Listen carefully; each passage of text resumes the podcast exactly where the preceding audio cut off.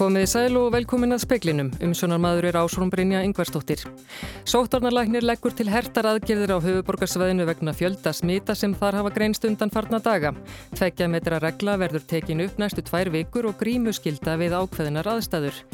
Kári Stefánsson, forstjóri íslenskarar erðagreiningar, vill að tekin verð upp grímuskylda á Íslandi. Hann segir að óskinsamlegt sé að herta reglur gildi ekki líka úti á landsbyðinni. Tór Aspilund sem hefur gert spálíkun um útbreðslu veirunar segir að smittstuðullin sé hærri nú en í fyrstu bylgu faraldursins. Það þýði að veiran dreifi sér af meiri krafti. Og Donald Trump hvaðist vera orðin nógu heilsuhraustur til að mæta Joe Biden mót frambjónda sínum í sjónvarpskappræðum í næstu viku. Tveggja metra regla verður tekin upp á höfuborgarsvæðinu næstu tvær vikur og grímu skilda hert samkvæmt tillögum sótvarnarlæknis til heilbriðisar á þeirra. Fallið verður frá undan þáum frá 20 manna samkomiðbanni nema við útfarir þar sem 50 mega vera og í skólastarfi þar sem 30 mega koma saman. Tiltekinni starfsemi verður gert að loka eins og gert var í vor. Auk þessa verður veitingastöðum gert að loka klukka nýju á kvöldin í stað 11 eins og nú er. Sótvarnarlæknir leggur þetta til vegna þess fjöld, metfjöldasmita sem í þessari bylgu, í þessari bylgu faraldursins sem greindist í gær 99 talsins. 95 þeirra greindust á höfuborgarsvæðinu og því ná aðgerðirnar bara til þess. 15 er á spítala, þar af fjórir á gjörgæslu. Minnis tillegunum var sendt ráð þeirra nú síðdeis. Já, ég legg til að það takki bara gildið sem fyrst þannig að það er ákveðin vinna sem þarf að fara að staði í ráðunitinu við gerðum reglugerðar og svo framvís og, og svona ímislegt í kringu það og, og, og það getur tekið einhvern smá tíma. Og ég veit að það kemur illa niður á mjög mörgum en ég bara byrð mennum að skilja það að, að, að þetta er algjörlega nöðsynlegar aðgerðir ef við ætlum ekki að lenda illa í því uh, varðandi þessa síkingu því að það verður of seint þegar hún er algjörlega útbreytt og komið kannski mikið af af sjúklingum inn á spítalan sem hann ræður illa við þá ós, getur orðið á seint að grípa til þessar aðgerða. Nú er þessi þriðja bylgi að vera að tala um að hún sé svona ódreiknulegri og erfiðar en á utanum hana. Er hægt að beintíkja hana einhverju leiti við tilslaganir? Já, ég held að það sé hægt að uh, tengja uh, alla faraldra við tilslaganir þannig að, að það er eitthvað sem að ekki, ekki hefur gengið upp í síkingavörnum eða sóttvörnum eða, en það hefur bara sínt sig að það þarf ekki volað mikið til og, og, og, og þess vegna hefur við verið að varast það að vera að benda á einhverju sökudólka. Segir Þórólfur Guðnason.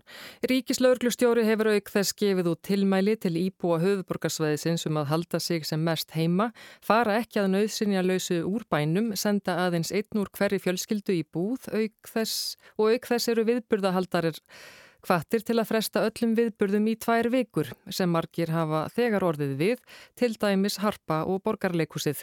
Víðir Einarsson yfirlaurglu þjótt segir að mjög hafi verið fjölkað í smitrakningarteiminu síðustu daga og svo verði enn þar starfi nú 75 manns en þó vanti enn þangað hjúknarfræðinga og leitað hafi verið til heilbriðistofnana til að leysa þann vanda. Hvernig hefur smitrakning gengið á þessum smitum? Gengur ágætlega, sko, þetta eru í flestum tilfellum gengur það vel, svo eru alltaf eitt og eitt tilfelli sem eru þá miklu erfiðar og þingri heldur en önnur og, og það tekur oft mikið tíma í kringu það en, en svona megin þorfin þá gengur þetta til til að hratt fyrir sig. Er dreifingin enn mjög mikil? Já, hún er bara einhvern veginn út um allt og, en, en svona þetta er samt svolítið borið upp á þessum aldursópi svona 18 til, til 39 ára segir Víðir Einarsson, Solveig Klara Ragnarstóttir rætti við hann og Þórólf Guðnason og við þetta má bæta að Víðir segir ekki alveg ljóst en þá hvort verði að fyrirhugðum landsleikum Karlalandsliðsins í fótbolta en það skýrist vonandi í kvöld. Dagur B. Ekkertsson borgarstjóri segist vera sammála þeirri ákverðun sótvarnarlæknis að herða aðgerðir á höfuborgarsveðinu. Hann segir að þetta geti haft áhrif á þjónustu borgarinnar við öryrkja og aldraða en reynd verði eftir fremsta megni að skerða hana sem minnst. Sama gildi um skólahaldi í leik og grunnskólum en ákvarðanir um endanlega útfærslu verða teknar á morgun og á næstu dögum. Það hefur verið eitt megin markmið með öllum aðgerðum að halda uppi heilbyrðistjónustu og halda úti skólum eins og hægt er. Við gerum ráð fyrir því að, að þurfa að huga betur að hólfunum og huga betur að sóttvarnar ráðstöfunum inn í skólunum en eina megin línunum í þessu er að skólastar verði enga síður eh, eins mikið og hægt er í leik- og grunnskólum sagði Dagur B. Eggertsson. Katrin Jakobsdóttir fórsættisráð þeirra segir hugmyndir miðflokksins um aðgerðir vegna faraldursins vera algjörlega óraunhævar og spyr hvaða tekjustofn eigi að standa undir greiðslu atvinnuleisis-trygginga ef tryggingagjald er afnumið. Þingflokksformaður miðflokksins segir ríkistjórnina vanhæfa um að lifta landinu og koma því áfram. Fjármálaráþara mælti fyrir fjármálaáallu næstu fjögur ára á alþingi í morgun og frá klukkan hálf tvö hafa ráþara staði fyrir svörum hver um sinn málaflokk. Fyrst í röðinni var forsætisráþara sem sagði áallunina byggða á hugmyndum velselda hagkerfa. Hún sagði að fenginni reynslu frá síðustu kreppu að of mikið aðhald og of mikill niðurskurður gæti dýfkað kreppu. Gunnar Brægi Sveinsson, þingflokksformaði miðflokksins, sagði það blasa við að ríkistjórnin þyrði ekki að skera niður vegna kostninga á næsta ári. Við hljóttum að þurfa að horta þess að lækka skatta gera fyrirtökjunum auðvelt með að vaksa, afnema tryggingjaldið, þannig að fyrirtækinn geti fjölga starfsmönnum, bætt við sig. Það er ekki að dasgráð þessar ríkistjórnar. Nei, það er allt aðra hlutir. En á jafnveg talum við það að það séu svarsýti spár framöndar varandi aturleysi og annars líkt. Það er ekki til þess að auka bjassinni okkar að þessi ríkistjórn geti gert um að skapa hlut til þess að lifta landinu og koma því áfram. Ég ætla að segja það að mér til hugmyndi miðflokksins um aðgerðir uh, vegna faraldursins algjörlega órunafur. Afnema tryggingagjaldið. Hvaða tekjustofn á að standa undir atvinnuleysistryggingu? Hvaða tekjustofn á að standa undir fæðingarorlofi? Eða á bara að skera það niður? Miðflokkurinn þarf að svara því þegar hann kemur hér upp og talar um það að afnema tryggingagjaldið. Hvernig nákvæmlega að fjármagna þau útgjöld sem eru fjármagnu með þeim skattstofni? Eða á bara að skilja atvinnuleitendur og atvinnulaust fólk eftir út á Guð og gattinu?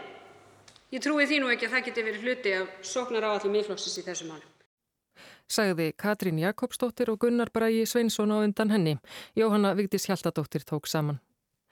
Donald Trump, bandaríkjaforsetti, telur sig vera orðin nógu heilsuhraustan til að mæta Joe Biden mót frambjónda sínum í sjónvarpskappræðum eftir nýju daga. Hann fekk að fara heim af sjúkrahúsi í gerkvöld. Þar hafði hann verið í þrjá sólarhinga eftir að var veikst af COVID-19. Trump greindi frá því á samfélagsmiðlum í dag að hann hefði það gott og hlakkaði til kappræðinanna við Joe Biden. Það er eigað að fara fram í Miami í Flórida á miðvíkudagi næstu viku. Frá því að flóið var með fórsetan frá Walter Reed hersjúkrahúsinu í Washington til Hvítahúsins í gerkvöld hefur hann byrt nokkrar færslur um að fólk þurfi ekki að óttast COVID-19 sjúkdóminn. Í einni þeirra segir hann að hann sé ekkert þættulegri en hefðbundin árlega influensa.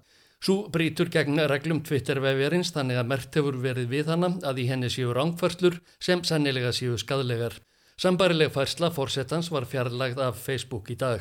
Joe Biden, fórsetaframbjóðandi demokrata, fagnaði því í dag að mótæri hans virtist verðan á heilsu. Skilabóð hans til landsmannum að þeir þurftu ekki að hafa áhyggjur að COVID-19 væri hins vegar alvarleg, ekki síst í ljósi þess að sjúkdómurinn hefði valdið dauða 210.000 íbúa bandaríkjana. Ásker Tómasson sæði frá. Sean, Conley, læknir Donald Trumps, lísti því yfir síðdeis að hann væri einkennalös af COVID-19. Heilsa hans væri afar góð þegar á hildina væri litið. Rekstrarleifi Arctic Sea Farm fyrir 5.300 tonna regnbóa sílungs eldi við Snæfjalla strönd í Ísafjörðardjúpi hefur verið kært til úrskurðanemdar umhverfis og auðlindamála. Að kærunni standa meðal annars Náttúruvendarsamtök Íslands og Náttúruvendarfélagið Lagsinn lifi, en einnig eigendur veiðuréttar í ám bæði í Ísafjörðardjúpi og víðar á landinu. Í kærunni er tæft á ímsu meðal annars því að aðrir valkostir hafi ekki verið skoðaðir og vist sé að strókufiskur úr eldinu dreifi sér í veiði ár vitt og breytt um landið. Sigurður Pétursson, framkvæmdastjóri viðskipta þróunar hjá Arctic Fish, móðurfélagi Arctic Sea Farm, segist virða kæru rétt hagsmenna aðila. Þó sé aðfinnslu verðt hver oft sé hægt að kæra innan sama umsóknarferðlis. Þetta voru en átta áraferðli, þetta sama leifi, margkert á öllum stigum þess. Og það er kannski kerfið sem við erum búin að búa til bara systematist hér á Íslandi. Það er kannski svona aðal fyllin það skulle alltaf vera möguleik að kæra aftur aftur sömu mál, meira minna Hann segir að kæran tefji vissulega fyrir því að hægt sé að hefja eldi í Ísafjörðardjúpi en ekki sé víst að hvaða marki. Hann hvaðist ekki hafa áhyggjur af því að úrskurður verði leifin í óhag, kæran sé samhljóða öðrum og þær hafi allar að endingu fallið framkvæmdunni í vil. Elsa Maria Guðlaugs Drífudóttir tók saman og talaði við Sigurd Pétursson.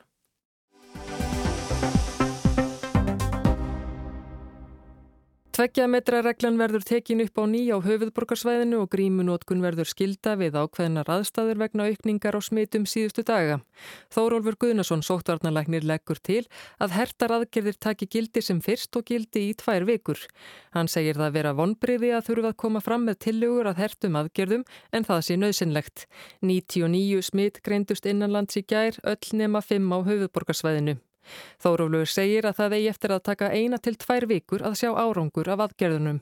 Svo mikla fjölgun sem við hefum séð á greindun tilfellum uh, síðastliðin sólarhing eða í gær uh, er áhyggjaefni því að svo margir hafi ekki greinst á einum sólarhing uh, síðan í mánaðamótin mars-april og þannig að jafnvel þó að, þó að þessar hörðu aðgerðir sem að við kynntum í gær og hafi tekið gildi í gær þá uh, teljum við uh, í ljósi þess að faraldurinn virðist vera á tölverðu uppleið nöðsynlegt að grýpa til uh, harðari aðgerða þar sem að faraldurinn virðist vera í veldisvexti og, og það er nokkuð ljósta ef að hann heldur áfram svona þá munum við sjá mikinn fjölda veikum einstaklingum sem að hæglega getur yfirkeirt þól spítalakerfisins með ófyrir sjáanlegum afleggingum bæði fyrir COVID sjúklingarna sjálfa og svo eins aðra sjúklingar sem þurfa á, á, á spítalavist eða þjónustu helbriðiskerfisins að halda. Sagði Þórólfur á upplýsingafundinum í dag. Hann segir því nöðsynlegt að grípa til harðari aðgerða á höfuborgarsvæðinu til þess að sveia kurvin eins mikið niður og mögulegt sé og koma þannig veg fyrir alvarlegar afleiðingar af faraldrinum. Hann sendi ráð þeirra í dag tilögur um hertar aðgerðir á höfuborgarsvæðinu. Ég vil bara bæta við þetta að, að, að enn og aftur vil ég ítrekka það að fólk hugsi aðeins út í það hvernig þessi veira, veira smítast á milli og ef fólk bara hefur það í huga hvernig nú smítast þá geta allir svona hegða sér í samræmi við það og þá þarf ekki að koma, eða þurfi ekki að koma leiðbenningar frá okkur í einhverju smáatriðin fyrir hvern og einn til að segja hann hvernig hann eigi að haga sér. Hún, hún smittast fyrst og fremst með dróparsmiti, nummer 1, 2 og 3, með snertismiti og svo getur hún smittast með úða. Og ef fólk bara hefur þetta í huga þá veit það hvenar á að þó sér hendurnar, hvenar á að halda sér fjærri öðrum, hvenar á á, á að nota grímur og svo framvegis. Þetta er tiltölulega einfalt þegar þetta kastana kemur. Í tilmælunum er fólk á höfuborgarsvæðinu hvað til að vera eins líti á ferðinu og hægtir og vinna heima næstu tvær vikurnar. Þeir sem þurfa ferðast til og frá vinnu út fyrir höfuborgarsvæði sinns gerir það áfram en vinni heima ef þeir geta. Þá er fólk hvað til að draga úr heimsóknum til fólks í áhættuhópum og til að fara eitt í búðir. Þá eru þeir sem ætla að standa fyrir viðburðum hvaðtir til að tökvort hægt sé að fresta þeim um nokkrar vikur. Alls kynns hópar og klúpar hafa verið beðnir um að gera hlýja næstu tvær vikur og þeir staðir það sem margir margir koma á höfuborgarsvæðinu skulu hafa spritt við inganga, þrýfa sameiglega, fleti reglulega og tryggja fjarlæða mörg. Nú þá vil ég minna bara á að allir sem finna fyrir hennu minnstu enginum að þeir óskættir að komast til sínatöku og meðan að þeir býða eftir því og býða eftir neikværi niðurstöð þá haldið þeir frá öðrum og gangi þannig um eins og þau séu í einangrun. Segir Víðir Einarsson yfir lauruglu þjótt. Þórólfur segir að grímunótkun verði meiri skilda en áður. Það voru meira um tilmæli áður Núna eru við að, að, að, að gera hana meira að skildu, að nota hana uh, undir ákveðnum kringustæðum og, og við erum að skerpa á því að þær kringustæður eru akkurat þar þegar ekki er hægt að viðhafa uh, nondanregluna og, og, og loftgæði er ekki góð. Við erum enþá ekki að hvetja fólk til að vera með grímu og almannafæri og hérna, þannig, þannig að það er í sjálf og sér ekki breyting en við erum að skerpa á notkunum og gera hana að meiri skildu en hefur verið. Víður segir að mikið álagsi á smitrakningarteiminu og bætt hafi verið í hópin í nótt. Eðlilega, núna er mikið álag á, á smitrakningarteiminu, við höfum þetta fjölga í teiminu og náðum að gera það í, í nótt og vinna nú 75 manns samtals í rakningu og fer fjölgandi og þetta eru lauruglumenn, hjúkurnarfræðingar og landamæraverðir. Náttúrulega til þess að þakka lauruglembættunum og landsbítalinn til þess að breyða strætt við í gerðkvöldu og í morgun að, að lána okkur meiri mannskap með svona skömmu fyrirvara. Ekki hafi komið upp jafn stórar hópsýkingar og í nefaleikafélagi Kópavox sem sé með þeim stærri sem hafi komið upp í faraldrinum. Við erum ekki með neina aðra svona stóra hópsýkingu en það er þetta, þetta tilfelli sem tengist uh, nefaleikafélagi Kópavox með því starra sem við höfum séð bara í, í faraldrinum Þannig að við erum ekki með neitt svona stórt en, en við erum með eins og áður komum fram, smittin er að tengjast auðvitað fjölskyldum, það er að tengjast vinnustöðum, það er að tengjast uh, gönguhópum og hlaupahópum og það eru eitt og eitt smitt að koma upp tengt líknartastöðum og ímiskona svona afferðingastarfsemi sem, sem er í gangi. Þannig að þetta er bara mjög víða og erfitt að setja putta nákvæmlega á hvað það er. Þórólfur leggur áherslu á að árangur af aðgerðunum eigi ekki eftir að sjást fyrir en eftir eina til tvær vikur. Það er vonbriði að við þurfum að grýpa til þessar aðgerða að ég þurfa að koma fram með þessar tillugur en ég held að það sé nöðsilegt í ljósi þróunar faraldusins sérstaklega hér á höfubrókarsvæðinu. Eh, ég minni enn og aftur á það að það mun taka eina til tvær vikur að sjá árangur af, af þessum aðgerðum þannig að e, það á ekki að koma óvart og við sjáum litlar breytingar á faraldurum á næstu dögum og það var raunar þannig síðastlegin vetur að við sáum ekki mikla breytingar fyrstu vikuna eða svo eftir að gripi var til þessar aðgerða og, og, og þannig að við þurfum að vera við því búin. Katrín Jakobsdóttir forsættisráð þar að telur skinsamlegt að grípa hart inn í í ljósi fjölda smita. Hertar aðgerður auðvitað um landið allt tóku gildi í gær og þær standa í tvær vikur. Nú er það mattsóttarnar yfirveld að það þurfa að herða enn frekar hér á höfuborgarsvæðinu til þá næstu tvekja vikna og ég tel að það sé skinsamlegt að grýpa nokkuð hart inni á þessum tímapunkti í ljósi þess eins og ég segi hversu útbreytt uh, smitið verðist vera og hversu margir er að greina smitaðir. Þetta eru þetta gríðarlega mikill fjöldi sem er í einangrun núna vegna, uh, vegna veikinda eða hátt í 800 manns og sömulegis eru þetta mjög mikið vegt að tryggja að uh, það verði ekki ómikið álag á, á spítalan og helbriðskjöfið. Ekki sé verið að leggja til ferðabann heldur mælast til þess að fólk sé ekki mikið á ferðum landið eins og gert hafi verið um páskana. Í öllu falli þá er það þannig að þessi mikla fjölgun er áhugjefni. Skiptir gríðarlega miklu máli að við tökumst á við þetta núna saman og náum að ná þessari bylgu saman og ég hef fulla trú á því að við getum það alveg og við gerum í mór. Þessi mikla fjölgun smita að þínum að þetta áfall Þetta er mjög sláandi tölur og það er mjög mikið vægt að grýpa inn í. Hver eru svona brínustu skilaboð ykkar stjórnvalda núna til almennings? Í skilabóðin er alveg skýr. Við höfum sínt það að við getum ná tökum á þessum faraldri og við munum gera það aftur. Og það gerum við þetta með því að uh, taka höndum saman og fylgja þessum tímabunnu reglum og þá munum við ná stjórn aftur á faraldrinum sem er svo mikið vett og það er ekki bara okkar sjálfra vegna heldur okkar allra vegna. Þetta var Katrín Jakobsdóttir í viðtali við Jóhannu Vigdísi Hjaltadóttur. En hvers vegna erum við komin á þennan stað í dag 99 smitt? Kári Stefansson, fórstjóri íslenskrar erðagreiningar, segir að einhverjir smittaðir einstaklingar hafi komið inn í landið í kringum 15. ágúst meðal annars er tveir smittaðir ferðamenn frá Fraklandi. Samskonar smitt og þeir voru með hafi borist út í samfélagið. Hann ætla ekki að dæmum með það hvort að smittið hafi komið frá þeim eða einhverjum öðrum sem komu með sömu vél. En eitt er víst að það kom smittinn í landið. Nú þegar að þetta sprakki allt saman út í fyrir rúmlega tveimur vikum, þegar það greindust 75 einstaklingar sama daginn, þá hefði verið stinsanlegt af okkur að grípa, grípa til miklu hertari aðgjörða en við gerðum það ekki. Í, það var tekinn svo ákvörðun að, að býða og sjá og það er stundum sannir þegar maður bara býður og sér og grýpur öll inn í að, að þá verðum maður fyrir svona áfalli og nú erum við að takast á við það. það Ég vil eins og letja það áherslu að það er miklu auðveldar að segja þetta núna heldur en, að, heldur en fyrir tveimur vikum. Kári segir að þeirra reglur séu liðgaðar verði menna verið í startólunum til að gríp inn í mjög hratt og ákveði þegar smit skjótu upp kollunum. Við liðguðum til en e, það kom í ljós að við vorum eftir eins vel undir það búin að grípa inn með hörku þegar það fór að brjóðast út smit. Við værum ekki á þeim stað sem við erum í dag ef við höfum grípið inn í fyrir rúmum tveimur vikum þegar að hópsmittin e, brjóðast út í öldurhúsunum nýri bæ. En nú á herða aðgerir er og sent í rassin gripið? Nei, alls ekki. Verkefni verður bara aðeins starra heldur en ef við hefum gert þetta fyrir tveimur vikum. Við verðum fyrir meira í áföllum í samfélaginu en e, þörfar á ef við hefum gripið inn í fyrr. En ég er alveg fullvissum að, að við getum getum náð þessu undir stjórn svo fremis við förum allar leið. Við getum ekki left okkur að hafa sundlögar opnar og segja eins og viður sæði í Vítali í dag að leifa þeim sem þurfa að færi sund út af helsunni að færi sund. Stílabóðin til samfélagsins verða að vera skýr.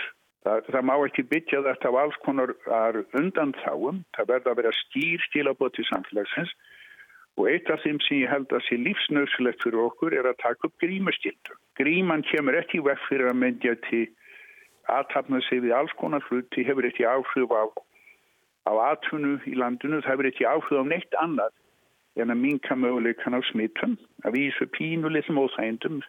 Grímundar eru svolítið óþægilegar til lengdar en þær eru afskaplega kraftmikil tæki til þess að koma í auðvitað smitt. Þannig að mér finnst þetta eðlilegt að taka upp grímuskildi í samfélaginu.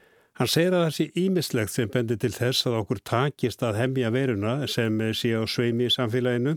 Til þess að það takist þurfa að fara alla leið og jafnvel skrefi lengra en gert var í vor. Það þýð ekki að vera með hálkák og það sé afskaplega óskeinsanlegt að hans matið að hertar aðgerir gildi ekki líka út á landi. Þannig að veiran hefur dreift sér svo víða á höfuborgarsvæðinu og það eru það mikil samstifti millir höfuborgarinnar og landsbyðarinnar að það er skringileg óskhyggja að búast við því að veiran sé ekki komin út um allt út af landi líka. Tór Aspilund, professor í líftölfræði við Háskóli Íslands sem hefur unnið að spám um útbereyslu veirunar, segir að tölu gerðdagsins koma óvart. Það er nú ekki koma óvart að þetta veri samt áfram í kringum sko 60 pluss mínus 10, Minna, þannig var einhvern veginn stefnan orðin en, en þetta er alveg vel í lagt. En þýðir þetta að það sé að marka ykkar spár? Þetta er bara mjög góð spurning. Sko, við höfum kannski verið að reyna að útskýra að okkar spár er þannig að marka. Það er, það er lýsa leiðinni þegar að faraldurinn er undir stjórn. Þannig að gerir áþyrir sko að hafi náðast tök á faraldurinnum að, að smittstöðulinn sé að fara niður og þar leiðandi mun hann fara ákveðna leið eða, eða eftir svona líkani ef að við missum stjórn eins og hefur gerst núna og það náttúrulega getur líka verið óhefni svo stórt tóp smittið eitthvað annað að þá er sagt, faraldurinn bara komin á aðra, aðra vakstarkólu þannig að þá þarf bara að endurstilla það sko. Þannig að þú er kannski ekki að fullir það en svona jáfnvel að segja að við höfum ekki lengur stjórn. Við höfum aðeins mist stjórnina. Ég, meina, ég bara sjálfur finn munin og ég hef líka skoðað við mitt, það er aðtækksvægt að skoða kannununa hjá félagsvístastofnun. Það er svona meta viðhorf almennings. Og maður sér að þau eru aðeins öðruvísi núna heldur en voru í fyrstubilgjunni og ég held að þetta endurspeglis bara líka í svona hegðun og meiri svona, já, kannski fólk hefur annan samskiptamáta, það er, það er til dæmis munur á tveggjametarreglu og einsmetarreglu, ég veit ekki hvort einsmetarreglan hafi gert nokkuð gagn sjálfur sér. Og það er margt svona sem að hérna, spilar inn í. Þannig að það þurfti að koma inn og alveg svo bara minni á í vor þurfti að koma inn núna strángar aðgerði til að ná aftur stjórn. Ég held hún hafi verið bara, já ég held að við höfum verið að fara að missa stjórn hérna bara alveg á síðustu dögum. Tór sér að með að vera einsluna í vetur og vor hafi 20 manna samkomabann virkað vel, mögulegt sé að ná viðsnúningi núna en það taki svipaðan tíma og í fyrstu bylginu eða um tvær vikur tölur næstu daga geti áfram verið háar. En svo færið aftur niður ef, ef við þá bara erum að miða við reynsluna í, í fyrstu bylgu sko. Þannig að næstu dagar verða mjög krítiski og jápil bara mjög háar tölur líka sko. Nýgengi innanlandsmita er nú að nálgast 180 síðustu tvær vikur með við 100.000 íbúa. Normenn settu okkur til dæmis á rauðanlista þegar þessi tala skreiði yfir 20 en er ástæða til að hafa áhyggjur af hækkunu smittstöðulsins þegar hann er til dæmis tveir þýði það að hver smitaður smitar aðra tvo og svo koll af kolli. Það er nefnilega það sem ég ágjur af og hann er eiginlega sko herri núna en var í fyrstu bylgjunni þannig að það eitt líka er ágjörni þannig að þá er veiran að dreifa sér að meiri krafti. Skjóta sér meira á milli. Og við vorum að slá á það að mæri svona þarna já, yfir tveimur jáfnvel og ef hann helst tannig í doldin tíma þá er veldisvísisvöxturinn farin á stað. En, en hann byrjaði að beigja niður í fyrstu bylgjunni svona viku tíu dögum hann eftir 20 mannabanni þannig að takmarkununa þannig að þetta vonar mann bara að gangi eins vel núna. segir Tór Aspilund. 15 sjúklingar með COVID líkja á landspítalanum og þaraf eru 5 á gjörgjæslu deild. Már Kristjánsson yfirlagnir á smitt sjúkdóma deildi landspítalans segir að ástandi á spítalanum sé erfiðara en vanalega.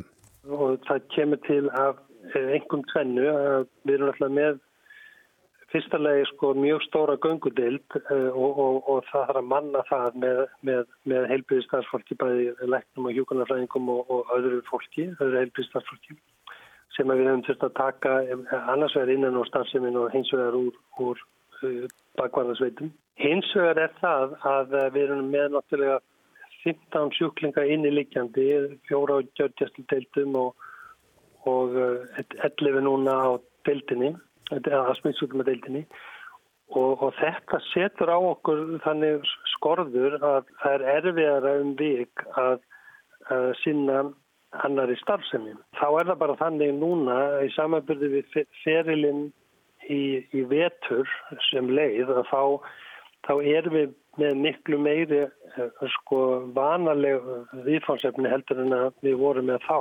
og það, það sé á við með vanalegum viðfánsefnum að það eru slís það eru tilfallandi heilsufarsvandamál sem að einhverju luti vegna heila, bara voru alveg í láginni uh, þegar allt gekk á hérna í, í. Þannig að þú ert að segja það að ja, ef að þetta heldur áfram, ef að smitt verða eitthvað í takt við þetta, kannski næstu tvær vikur og þá munir róðurinn og spítalunum þingjast. Já, það er alveg ljóst að, að við munum fá fleiri innlagnir Um, og, og hérna og, og ég, ég á vona því að róður minni herðast enn frekar. Eða sko fyrir utan COVID sjúklinga þá er, þá er sagt, veikindi sem að koma upp sem að kunna að, að, líta út eins og COVID veikindi en, en reynast því að ekki vera það. Og, og þegar í þessu millibils ástandi þá þarf fólk að vera í COVID sóttkví og, og bæði einangrænir og sóttkvíjar að þær kalla á sérstaklega vinnulega starfsfólks hvað var þar hlýðarbúnað og, e, og, og aðskilnað frá öðrum sjúklingum og annars líkt sem er mjög íþingjandi fyrir hennu daglegu starfsemi. En við leggjum mjög mikið upp úr þessu bæði til þess að skapa öryggi fyrir frá sjúklingar sem eru inn á spítalanum og eru ekki smitaðir og að standa verðum um heilsupfall starfsmanna. Það urðu sjálfsagt mjög margir fyrir hálfur áfall að heyra þessar smítölur en eh, er þú björnsinn að, að við náum þessu niður? Ég held að sko með uh, þessum hertu aðgjörðum sem að við erum að kynna í dag að þá bindir nú vonið við það að það drægi úr uh, smittölunum en það mun taka nokkar daga í viðbót áður en við sjáum árangur og tím. Ég held kannski að skýrustu skilabóðin sem að uh, við getum sendt uh, sko út í samfélagið er að þetta er uh, ábyrg hvers og eins og við verðum einhvern veginn að standa saman bara sem þegnar þessa samfélags að, að hlýta þeim fyrirmælum sem að sótarnir yfir vilt hafa svo rækilega kynnt undanfarnar vikur og, og við verðum bara hvert og eitt að passa okkur að okkar persónlega ábyrð að bera ekki smita mitt einstaklinga. Þetta var Már Kristjánsson, Arnar Páll Haugsson tók saman. En í speiklinum var þetta helst. Sóttvarnalæknir leggur til hertar aðgerðir á höfuborgarsvæðinu vegna fjölda smita sem þar hafa greinst undan farna daga. Tveggja metra regla verður tekin upp næstu tvær vikur og grímuskylda við ákveðnar aðstæður. Kári Stefánsson, forstjóri Íslenskrar erðagreiningar, vill að tekin verði upp grímuskylda um land allt. Hann segir óskinsamlegt að hertarreglur gildi ekki líka úti á landsbyðinni. Tóra Aspilund sem hefur gert spálíkunnum útbreyðslu veirunar segir að smitstuðullin sé herri nú en í fyrstu bylgu faraldursins. Það þýði að veiran dreifir sér af meiri krafti. Bandaríkjaforsetti hvaðist vera orðin nógu heilsurhaustur til að mæta Biden mót frambjónda sínum í sjónvarpskappræðum í næstu viku. Og það var ekki með fleira í speklinum, tæknimaður í útsendingu var Mark Eldred, veriði sæl.